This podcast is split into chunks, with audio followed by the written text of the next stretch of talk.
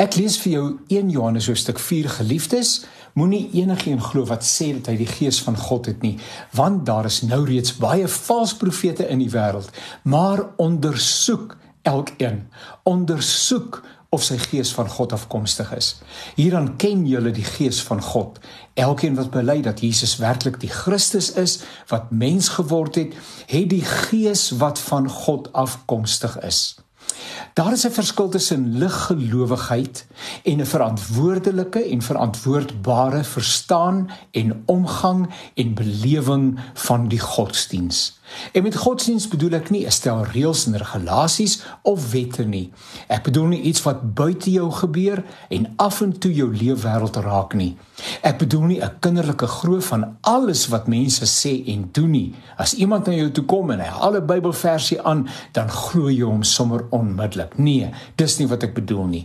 Die Bybel is daaroor baie duidelik. Ondersoek die profete selfs jou dominee, jou pastoor, ondersoek die woord wat hy bring. Profesie is 'n wonderlike gawe van God. Dit is een van die gawes van die Heilige Gees. Daar is profesie as die aan gesagvolle aankondiging van die boodskap van verlossing. Dis wat die dominees, die pastore Sondag doen vanaf die kansel. Dis 'n gesagvolle aankondiging van die boodskap van verlossing uit die Bybel uit en dit kom met so sê die Here. Daar is duidelike riglyne in die Bybel, merkers wat sou dit ontbreek, die evangelie geweld aandoen en van sy krag beroof. So byvoorbeeld is 'n aankondiging sonder Jesus die seun van God wat onder ons kom woon en werk het, wonderwerke gedoen en mense geleer het, uiteindelik gesterf en weer opgestaan het, is dit nie die ware evangelie nie, nie daarsonder nie. Ja, onontbeerlik ook die feit dat hy opgevaar het na die hemel en eendag weer kom na die aarde sodat die koninkryk van God onder ons volle gestalte kan kry. Dis immers wat ons Sondag bely wanneer ons saam met die kerk deur al die eeue die apostoliese geloofsbelijdenis nasê. Daar is 'n ander profetiese woord, ewenigs 'n gawe van die Heilige Gees.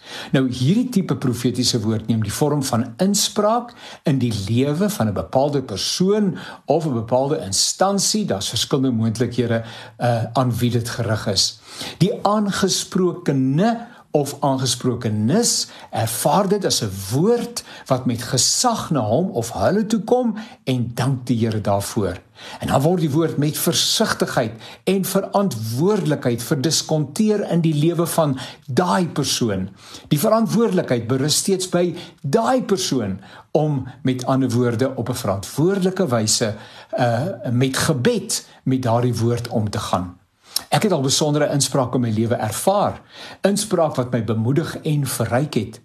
Egte profetiese woord is dan my verstaan nie afbreekend, ontblotend of vernederend nie.